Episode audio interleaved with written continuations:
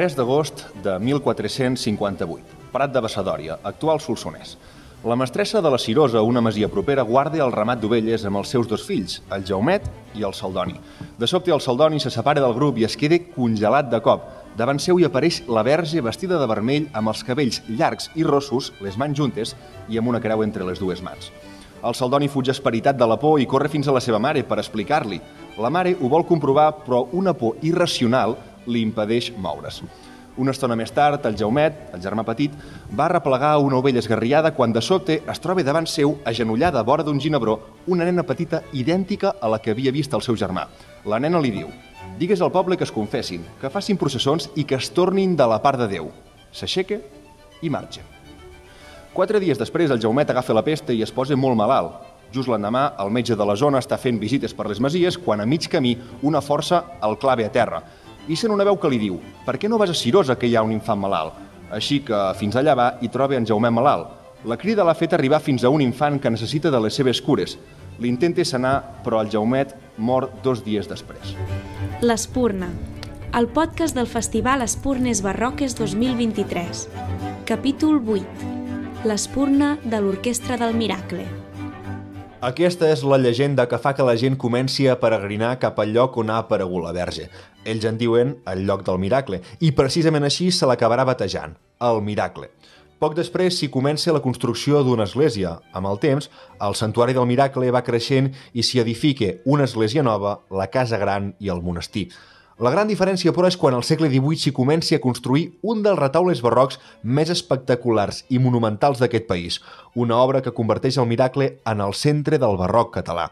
Per acabar de situar el miracle al pedestal, el Festival Esporres Barroques ha impulsat aquest 2023 l'Orquestra del Miracle. Podríem dir que aquest és un segon miracle, perquè no és gens usual que en un municipi tan petit, de només 300 habitants i tan aïllat, hi neixi una orquestra d'alt nivell amb vocació internacional. És un conjunt instrumental únic per un indret únic. Per conèixer més el miracle i la nova orquestra, en rep el claustre del monestir el seu superior, el Xavier Poc. Xavier, el Miracle és una de les joies barroques més importants de, de Catalunya. Després parlarem del retaule, que és l'estrella. Però què té el conjunt del Miracle que el fa tan especial? El fet de trobar-nos en, en un espai de, de la Catalunya interior en el qual hi, hi trobem poques coses rellevants, però que, que aprenen significació quan descobreixes un tresor com el que suposa un santuari per tota la seva, in, els seus inicis, per la seva tradició, per la vida que ha desplegat, pel que ens ha deixat de testimoni i pel que avui dia podem continuar-hi duent a terme. I com dèiem, és a dir, si hi ha la Casa Gran, hi ha el monestir, però el retaule barroc és l'estrella. Exacte, és tal com tu dius, és, una, és un dels fets artístics més rellevants que podem eh, preservar i atresorar aquí en el Santuari del Miracle.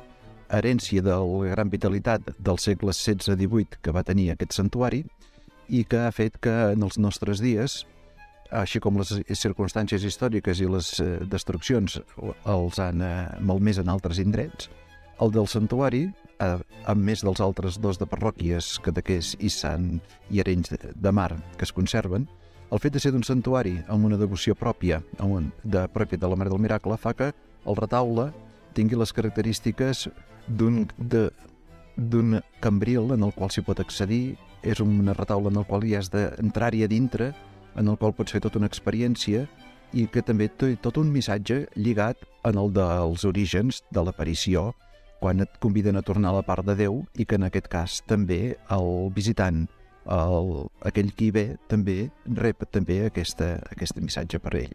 El, el relat de, o la lliçó, o la, la idea que ens vol transmetre el retaule és una mica la redimir-se, no? Sí, perquè el, en el fons va parar també en, en aquelles pàgines de l'Evangeli quan eh, l'actitud de Jesús envers tothom és la d'acollir-lo i de convidar-lo a, a, a tornar a ell i a viure sempre en la vida de, de la fe. I aquest institut d'acolliment i de que sap oferir Jesús també el té el missatge del miracle. Convidar a tornar a la part de Déu vol dir que en qualsevol circumstància de la vida per la qual tu hagis passat, la invitació de Déu a tornar a ell sempre és vigent. I ara en aquest conjunt tan especial i tan únic és el miracle, s'hi sumarà un nou actor, que és l'Orquestra del Miracle, que crea el Festival Espurnes Barroques. Sí. Què suposa per vosaltres que, que aparegui una orquestra pròpia, barroca? Per nosaltres la dimensió espiritual d'un religiós, d'un santuari, i que com que en aquests moments, a més a més, també l'estem gestionant en nom de la diòcesi de Solsona, una comunitat benedictina, la nostra tradició també sempre és d'una gran obertura i acollida cultural i artística, i per tant, tota la dimensió de la música i el fet de que lligui amb el període del barroc amb el qual aquest santuari havia tingut més rellevància, fa que li... mantenim una tradició, la posem al dia i, a més a més, donem vigència a aquesta vessant cultural pròpia d'aquests indrets. El Festival Esporners Barroques donarà vida a l'Orquestra del Miracle el 3 de juny. Aquella tarda es podran sentir per primer cop els seus sons al concert inaugural. L'orquestra reuneix tot de músics joves i talentosos que prepararan els concerts en règim de convivència. En lloc d'assajar i marxar cadascú a casa seva, viuran tots el miracle fent pinya per generar un clima musical i humà únic. Aquest equip estarà dirigit per l'organista Juan de la Rubia. Per conèixer més detalls de l'orquestra, ens endinsem amb el Juan a l'interior de l'Església del Miracle, just davant de l'imponent retaule barroc. Juan, què suposa per un organista com tu crear i dirigir des de zero una orquestra nova com la que serà aquí al Miracle? Bé, d'una banda, bueno, és, una, és una responsabilitat molt gran i a la vegada doncs, segur que serà un gran plaer ja des del moment de concebre l'orquestra abans de trobar-nos. Uh, per mi, com a organista, uh, al final, un organista, un violinista, un violoncel·lista és un músic que s'expressa amb un instrument. L'orquestra és un altre instrument. Llavors, el fet de poder-nos expressar tots plegats fent música, uh, per mi és un, bueno, és un repte és un repte també poder-ho fer aquí al Miracle i a la vegada és un, és un gust i és un plaer perquè eh, en realitat estarem assajant junts però convisquent junts també és gairebé una setmana de convivència i és una setmana de coneixença mútua, no? perquè començar una orquestra suposa que vindrà gent que potser es coneix i vindrà gent que, que potser no es coneixen, no? i aquesta gent doncs, faran aquesta coneixença mútua personal i també a nivell musical. Aleshores, eh, tenir l'oportunitat d'estar aquí al Miracle, la veritat és que és un luxe. Primer de poder tocar en aquesta església, però de poder assajar a la Casa Gran també, i de conviure allà i de que cadascú pugui utilitzar, diguem, la casa gran, en tots els sentits, eh, com la necessiti, no?, per, per la seva meditació, relaxació, per al seu estudi, per, la, per conèixer els altres, la veritat és que segur que serà un, bueno, una experiència fantàstica per tothom. A Catalunya tenim a tres orquestres barroques com la Vespres. Què tindrà d'especial, d'únic, aquesta del Miracle? Bé, això és una cosa especial, que naixem tenint un lloc on estar i naixem tenim, tenint un, un lloc de referència, no? I aquí, al Solsonès, poder gaudir del miracle i de presentar-nos a, a la que se suposa i a la que volem sentir com a casa nostra, i que ens hagin donat, donat aquesta oportunitat de, de tenir una casa pròpia, això crec que és una cosa que el fa molt especial, aquesta orquestra, tenir, tenir aquest espai, aquest espai propi. I crec que el so de l'orquestra i el treball de l'orquestra es veurà influenciat molt per l'espai on ens trobem. A banda de l'espai, també ens en feia 5 cèntims abans, parlaves del mètode de treball. Què tindrà d'especial aquesta unió dels músics d'estar aquí, de crear aquest, aquest equip? Bé, muntar un programa amb una orquestra moltes vegades es munta eh, el més ràpid possible, perquè el temps és or, no només el, el, el temps econòmic, diguem, el temps de les persones també és superimportant. Aleshores es tracta de, de compactar sempre tot el temps i de que no sobri ni un minut però tampoc no falti, no? La filosofia d'aquest projecte és que, tot i que evidentment el temps és or, nosaltres tinguem l'oportunitat de gaudir d'aquest temps de que si ens sobra temps, mai no sobra, però puguem gaudir amb altres activitats, puguem fer proves sonores, podem fer créixer l'orquestra, perquè no, no és només muntar un repertori, sinó que crec que l'important és muntar o construir un so, construir un esperit de l'orquestra, construir junts, al cap i a la fi, un equip de, de treball en el qual cadascú pugui aportar el seu granet de sorra. Crec que això és el més important. L'orquestra debutarà el primer concert aquí on som nosaltres, el Festival Espornis Barroques. què ens trobarem? Quin repertori hi haurà? Quina proposta artística esteu preparant? La idea és que no sigui un programa, diguem, monogràfic, tot i que a mi m'agradaria molt poder-ho fer, però crec que vindran ocasions millors per fer-ho. Pot ser el concert de presentació d'una orquestra, jo el podria associar també a una cosa que conec molt més, que és el concert de presentació d'un orgue. Amb aquest, quan el restauren o quan construeixen un nou instrument, del que es tracta en el primer concert és de poder mostrar totes les capacitats d'aquest instrument, poder mostrar la seva versatilitat, poder mostrar que aquest orgue, en aquest orgue tu ets capaç d'interpretar repertoris diferents amb música diferent. I crec que amb l'orquestra, amb aquesta presentació, la filosofia és molt similar, és a dir, triarem diversos repertoris de diverses èpoques, però sobretot de diverses regions o països eh, a nivell geogràfic, i llavors hi haurà música francesa, hi haurà música de la península ibèrica, hi haurà música alemanya, hi haurà música italiana... La idea és poder mostrar tot el que l'orquestra té la intenció de fer i tot el que l'orquestra és capaç de fer. I a partir d'aquí, doncs pot ser cadascun dels programes del futur inclouran una petita part d'aquest concert de presentació. I quan la gent marxi d'aquí del Santuari del Miracle, amb quin regust de boca voleu que surtin? Què voleu transmetre a la gent amb aquesta primera actuació?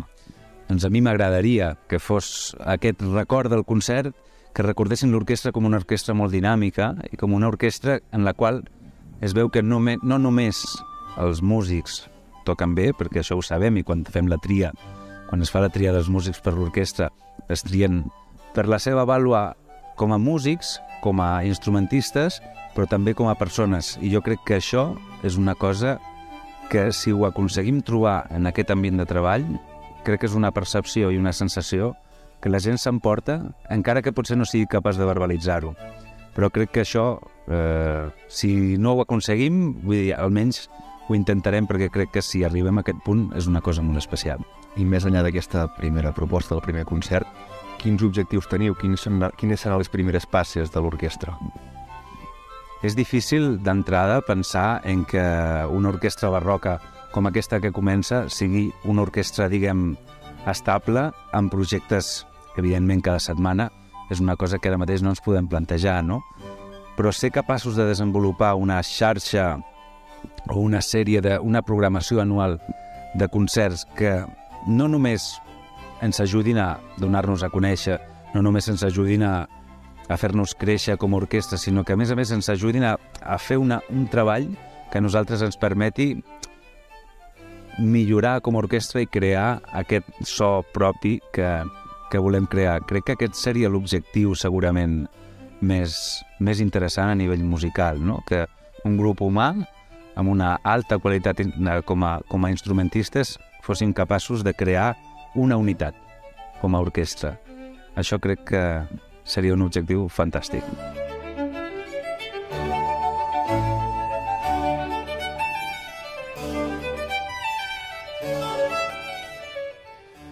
El repertori dels concerts de l'Orquestra del Miracle sempre tindrà alguna part de recuperació patrimonial o ensenyarà peces de l'àmbit ibèric o bé català. La cirereta del pastís la posarà un últim factor. A cada concert que l'orquestra faci el Miracle hi col·laborarà un artista plàstic. Aquest crearà una proposta al voltant de l'obra que estigui vinculada a l'estatge que han fet els músics i també al públic. En el cas del concert inaugural del 3 de juny, l'artista convidada és la Marta Ricard. Un dels tres diferencials de l'Orquestra del Miracle és que sempre hi haurà un artista per vincular la proposta de l'orquestra amb el públic. En el seu debut, l'orquestra comptarà amb la participació de l'artista Marta Ricard. Bones, Marta, què tal, com estàs? Bones, molt bé. Uh, què suposa per tu que se t'hagi proposat formar part de la inauguració d'un projecte orquestral com el d'aquí al Miracle? Uà, primer és un privilegi total, és un gran privilegi perquè primer, bueno, està al costat de casa i una cosa així al costat de casa és meravellós, no? Perquè normalment aquestes coses passen a la ciutat, no? Passen en llocs grans, no? I, i poder fer un... Bueno, donar alguna i rebre, no? De una, una cosa tan gran i tan, tan ben feta em sembla estupendo. També és un repte gros, eh? De poder arribar al, a les expectatives i, i, i poder resoldre algo que ara com ara és un gran, gran repte, eh? Entenc que també a nivell creatiu és diferent pensar una proposta per exposar en un museu o en una exposició que no pas en una inauguració d'una orquestra com aquí el Miracle. A l'hora de crear també... Sí, el que passa és que en el meu cas va molt lligat amb la meva feina, perquè jo sempre treballo en funció dels llocs i en relació als llocs. Si no hi ha llocs específics, no, no puc. Un museu també és un lloc, però és un lloc més neutre, no? Clar, en el meu cas això no és, no és tant problema, perquè, perquè sempre treballo amb territori, no? I amb, I amb espais que tenen vida i en espais que estan vius, per tant no, no hi ha tanta diferència, no? Sabem que encara has d'acabar de tancar alguns serrells de la proposta, però no sé si ens pots fer una mica de deler de, de què ens trobarem aquí al Miracle. Sí, la proposta és molt oberta perquè s'està fent. Setmana a setmana va canviant, vull dir que potser el, el que ara diré d'aquí una setmana ja haurà canviat, val? perquè és una proposta bueno, que, que per això parlava abans de que, de que treballo molt amb els llocs, perquè hi ha una certa permeabilitat on hi ha un diàleg no? entre l'espai i l'obra. No? I això és el que fa que sempre s'estigui modificant fins l'últim moment. No? Passa és que el, que el que ara sí que sembla que va quallant no? i va agafant solidesa, és una proposta que li hem titulat El so als ulls i és bàsicament una veu uh, vegetal, no? és una veu botànica, no? que bàsicament és, és una creació feta a partir de fibres vegetals, de plantes locals. Suposo que la quantitat serà tan gran que algunes plantes no podran ser locals, perquè ara hem fet un conveni amb el Museu de la Pauma, del Mas de Barberans, i ells sí que em cediran Pauma, de manera que amb, amb la Pauma també podré crear. No? Llavors, amb, amb totes aquestes fibres vegetals crearé uns, uns papers vale? això són proves, eh, en la qual, amb el propi procés de crear el paper, es crea la cel·lulosa, que és el que fa que lliguin les fibres i que, que vinculin. De fet, és molt metafòric de, de l'inici d'una orquestra, no? perquè seria aquest, aquest procés de quallar, no? de, de, de, de posar junts tota una sèrie de, de, de peces no? I, que, i que acabin generant alguna cosa. En aquest cas, el paper té molt aquest, aquest valor i després perquè és un, un, una fibra que un cop, un cop la, la cel·lulosa enganxant les fibres, les ha, les ha unit, uh, és molt sòlid i és, és una cosa sòlida. No? Llavors, uh, la proposta bàsicament es tracta de crear molts papers, però molta quantitat de paper vegetal, en la qual uh, és això, és la, és la terra, no? el, el, aquest punt que parlarà, i alhora eh, no només hi haurà aquests papers, sinó que en aquests papers hi haurà un gest que, que ja veurem ara quin serà. Va, es, va, es, va, es va fent, eh? però estic, estoy en ello. Uh, I en aquest gest es, es crearà també a través de colors locals, o sigui, és, és tot una veu botànica, li dic així, no? I el paper el, el tintaràs o el pintaràs d'alguna manera o serà paper vegetal? No, no, no, no, no és el paper l'únic que parla, el paper és el suport, no? Llavors això sí que va, va tintat amb, amb una sèrie de tintes fetes amb, amb plantes d'aquí, eh? Vull dir, tinc un munt de macarulles dels roures, també dels serments de les vinyes, de quan les han podat, eh, estic fabricant els carbonets per crear els negres, vull dir, tot, tot, tots els colors surten d'aquí, tots, tots. Llavors, clar, això serà com una, una veu molt coral, no? Perquè, clar, cada paper tindrà un, un color i aquests colors junts faran alguna cosa. Això és la proposta que està, està ara sortint, eh? I sabem si el públic s'ho trobarà pintat quan arribi, si ho pintaràs mentre es fa el primer concert, o ben bé, no sé si ja està definit. No, no està definit. De fet, no, no, no. Això encara no, no ho puc dir perquè hi ha moments en què sembla que la, la gent hagi d'entrar al públic i es trobi la proposta feta i aleshores hi hagi aquest so als ulls que ja parli. De l'altra manera agafa un punt més performàtic, no? El fet de crear mentre l'orquestra. Llavors no ho sé encara si, si això té sentit o no en té. Encara, encara està la cosa ballant. El que suposo que sí que tens més clar és què busques transmetre amb aquesta proposta de cara al públic. Totalment. És bàsicament, eh, per això li he posat aquest títol que ajuda molt a concretar, no? El so als ulls no deixa de ser eh, un, una proposta que intenta explicar no? com, com el, el, el so, eh, generalment, o tal com l'entenem, és algo que ens arriba no? a les orelles. I la mirada, normalment, és aquella en la que tu tenim la sensació que tu, tu vas i tu ets el que mires i tu ets el que... Però eh, hi ha una altra mirada que és la que deixa que arribi a la teva vista, no? És el procés invers, és un procés molt sonor.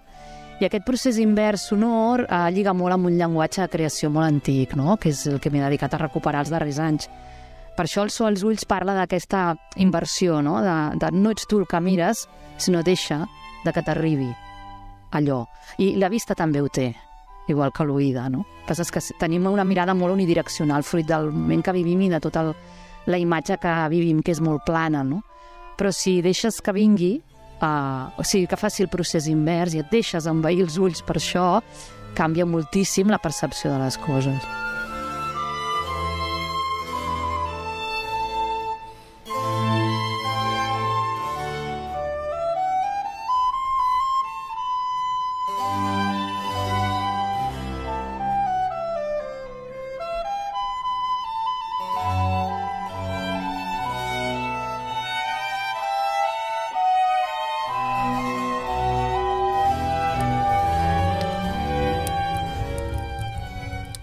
Abandonem la vida monàstica del miracle, però no la seva essència. Al cor de l'Ateneu barcelonès, tres patrons del Festival Espurners Barroques ens aprofundeixen la seva visió sobre el miracle i sobre la creació de la seva orquestra pròpia. Ells tres són la doctora en Història de l'Art i professora de l'Autònoma, la Maria Garganter, l'escriptor Raül Garriga Sait i el director general del Gran Teatre del Liceu, el Valentí Oviedo. Penso que un dels aspectes eh, més interessants d'Espurnes Barroques és que tingui el seu eh, epicentre al santuari, el santuari del Miracle, eh, que a més és un indret que està geogràficament molt a prop de, del santuari de Pinós, que, que és el lloc que consideren el centre geogràfic de, de Catalunya. Eh, estem doncs pràcticament al centre geogràfic de Catalunya i també és com el centre, és també l'epicentre del barroc, eh, del barroc català, eh, encarnat en un, eh, en un territori, en un paisatge, eh, en un santuari que en el seu moment va ser dels santuaris, eh, dels santuaris doncs, més, eh, més rellevants que, que, hi havia, que hi havia al país i, i, i els edificis que es conserven doncs, en, donen, en donen fe. Eh, i després perquè tenim i tenim doncs, el, el retaule conservat més important de, de Catalunya. Però és que a part d'això doncs, a nivell de paisatge també doncs, eh, clar, el, el, miracle, el, el miracle és màgic, el miracle és un paisatge sagrat des de molts, eh, des de molts punts de vista eh, doncs, sacralitzat doncs, per, fets, eh, per fets extraordinaris com l'aparició o la desaparició de, de la Mare de Déu mm, per testimonis més antics encara, que això n'ha parlat eh, molt bé el Raül al, al, seu, al seu país barroc i en altres, i en altres llocs i penso que som molt afortunats de, de que el miracle estigui d'alguna manera en l'epicentre del festival. Hi ha una, hi ha una cosa al, al, al miracle a prop del santuari a Sant Gabriel que és un lloc que té una vista meravellosa perquè puges a Sant Gabriel i veus Montserrat, veus fins i tot el Montsant vull dir que uh, realment se t'obre el, el país al davant Uh, doncs allà el, a Sant Gabriel hi ha el, el roc de la Mare de Déu, el famós roc de la Mare de Déu, que és una, que en si mateix ja és com una mena de manifest mm, sobre la, sobre la història i sobre la humanitat, no? perquè és una pedra uh, megalítica, sembla que va ser un, que provenia d'un menir potser o uh, d'alguna estructura megalítica que al, a finals del segle XVIII van decidir uh, posar damunt de dos pilars i convertir-la en, una, en una estació de, de les processons de la Mare de Déu. Per tant, van agafar una pedra que, que, que ve d'un món pagà o com en vulguem dir, en tot cas precristià no? I, i segurament de cultes eh, potser relacionats amb la natura, relacionats amb, relacionats amb els cicles de la natura i van ajuntar això amb, amb la tradició cristiana i amb, i amb el culte marià. D'una manera, a més, que no era museística, per dir-ho així, no? que és una cosa que, que en aquell moment podia començar a passar allò, un interès arqueològic per l'antiguitat, no? de valorar les coses que són antigues. No, allà es va agafar i es va convertir en, es va convertir en una peça d'un ritual viu. No? És una manera de viure la història integrada en el present, integrada en la quotidianitat. Um, I això, això ho trobo molt bonic, ho trobo molt significatiu, i el miracle crec que ha anat passant això, no? que hi ha diverses capes i que totes s'han anat mantenint vives d'alguna manera i, i de fet, perdó, ara feies referència a l'aparició la, de la Mare de Déu el text, eh, aquell text del segle XV que explica aquesta història tan curiosa del nen en aquell moment de pesta que ha vist eh, una noia rossa no? I, i ha dit que era la Mare de Déu és un text molt impressionant perquè eh, recull unes veus que són com, és a dir, no sabem què hi ha darrere, com es va fer exactament, però sonen com les veus del poble realment, no? Són veus que parlen fins i tot amb la manera com estan transcrites les paraules, eh? amb l'accent que fan servir i tot. Uh, és un d'aquells pocs textos en què, en què veus una conversa d'una família en un moment en què hi ha pesta, en què tothom està angoixat, en què la gent veu coses estranyes, i és un, és un text que, que el llegeixes avui i sembla extraordinàriament viu encara. La gràcia del miracle és que encara s'hi conservin i que es, en, en, en ple estat de forma no? totes, totes aquestes capes no? i que estigui intacta des, de, des del seu origen. I per tant, jo crec que és com un epicentre fantàstic perquè des d'allà com està passant en el festival, emanin projectes que siguin únics, que siguin quasi reveladors, que, eh, que, que donen un caràcter molt especial al que és el festival a través de projectes que, que segurament estan cridats a, a anar més enllà doncs, del que passarà en, en, en, en el propi miracle. No? Per tant, eh, trobar aquell epicentre que tingui aquella llum pròpia crec que eh, fa que tot el que hi passi serà i esdevindrà molt especial. Tanquem aquest recorregut pel Santuari del Miracle i per l'Orquestra del Miracle, aquí al centre del de, punt neuràlgic, i ho fem amb el director del festival, l'últim protagonista de l'episodi d'avui, que és el Josep Barcons. Què et sembla si abans de parlar fem un brindis amb la barroca? Um, la cervesa del festival? Va, fem, fem-lo perquè, perquè ens ho mereixem. no és menys preable i ens ho mereixem. Crear una orquestra... És per brindar. De fet, brindarem amb cava perquè les coses s'han de fer amb cava. Però Uh, hi ha el Jaume Viernès, que és patró de la Fundació i és qui ens assessora en tots els termes gastronòmics, i ens va dir, diu, quan les coses surten bé, ell, ell va ser uh, qui va fer la primera esferificació al bullir, amb la Ferran Adrià, i va ser l'encarregat de veure les, quina consistència havien de tenir perquè no es trenquessin, amb quins, amb quins productes ho treballaven. I diu que el Ferran Adrià deia, quan les coses surten bé, cava i galetes. Aleshores vam dir que aquesta orquestra sortirà bé claríssimament i permet-me que a banda de brindar, ja tenim barroca, no tenim el cava, um, a veure, a veure, ja començo mira, a tenir una mica de gana, mira, ja em va bé, a veure mira, què treus. Mira que hi haurà, mira que hi haurà, té, això, si, si ho compartim quedarà un punt vell a la bèstia que, que potser no caldria, sí, no, no seria però dient. no seria dient. Um, que és una galeta? És una... Ah, una és, neula, és una, una, galeta? això és, és, és una estrella. De moment sí. tenim el tampó del festival, però serà diferent realment, mm. perquè hem estat fent proves. Això és una galeta que, clar, el, el podcast ja pot ser immersiu ja, però no permet encara... Haurà de venir a provar-la. S'haurà de venir a provar. És una galeta que porta ginebró perquè el ginebró s'ha sentit el cruixent, eh? Imagino. doncs és una galeta amb ginebró, el ginebró és l'arbre de la Mare de Déu del Miracle, mm. i és feta eh, per persones que tenen, diria, un manto blau com la Mare de Déu, que és el Rosal. El Rosal és una, un, un projecte nascut a dintre de l'associació ALBA, que treballen persones amb diversitat funcional a Tàrrega. Aleshores fan galetes bones fetes per bones persones. Aquest és Són el lema que és boníssimes. preciós. Boníssimes. És així. I, i, I tenim això, tenim una estrella al final. O sigui, l'estrella del miracle té vuit puntes, mm. doncs aquí tenim aquesta, aquesta estrella feta artesanalment, per tant no hi haurà cap estrella que sigui una igual que l'altra. Aquestes galetes en concret les va fer la Martina, del Rosal. Uh, estàvem fent, fent les proves ara, ara aquest dia. I serà la galeta del I festival, és, de l'orquestra? Això és la galeta de l'orquestra. El festival té la seva pròpia orquestra, la seva pròpia galeta. Sí, el festival té la seva pròpia orquestra i el festival té la seva pròpia galeta, però l'orquestra té també la seva pròpia galeta.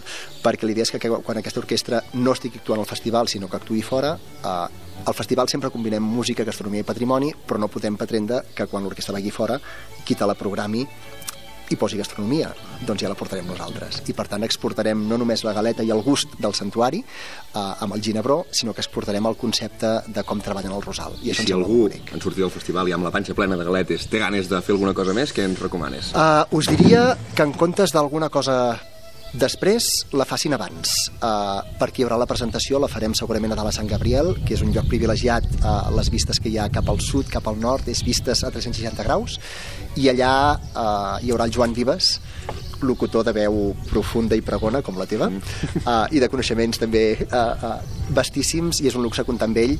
Hi haurà la Mercedes Conde Pons, que és la directora artística del Palau de la Música, hi haurà la Marta Ricard, l'artista que ens farà una proposta no amb galetes, però sí amb formes que tenen a veure amb, amb, amb aquest quadrat. Mm. Uh, hi haurà també el Juan mateix, uh, i seré jo, uh, moderats pel, pel Joan Vives en un entorn magnífic, i allà, uh, brindant no en barroca, no hi haurà galeta, perquè ho guardarem per quan surten les coses bé, com diu el Ferran Adrià, per, per l'acabament, sinó que, que allà brindarem amb alguna altra cosa mentre podem escoltar aquestes veus selectes.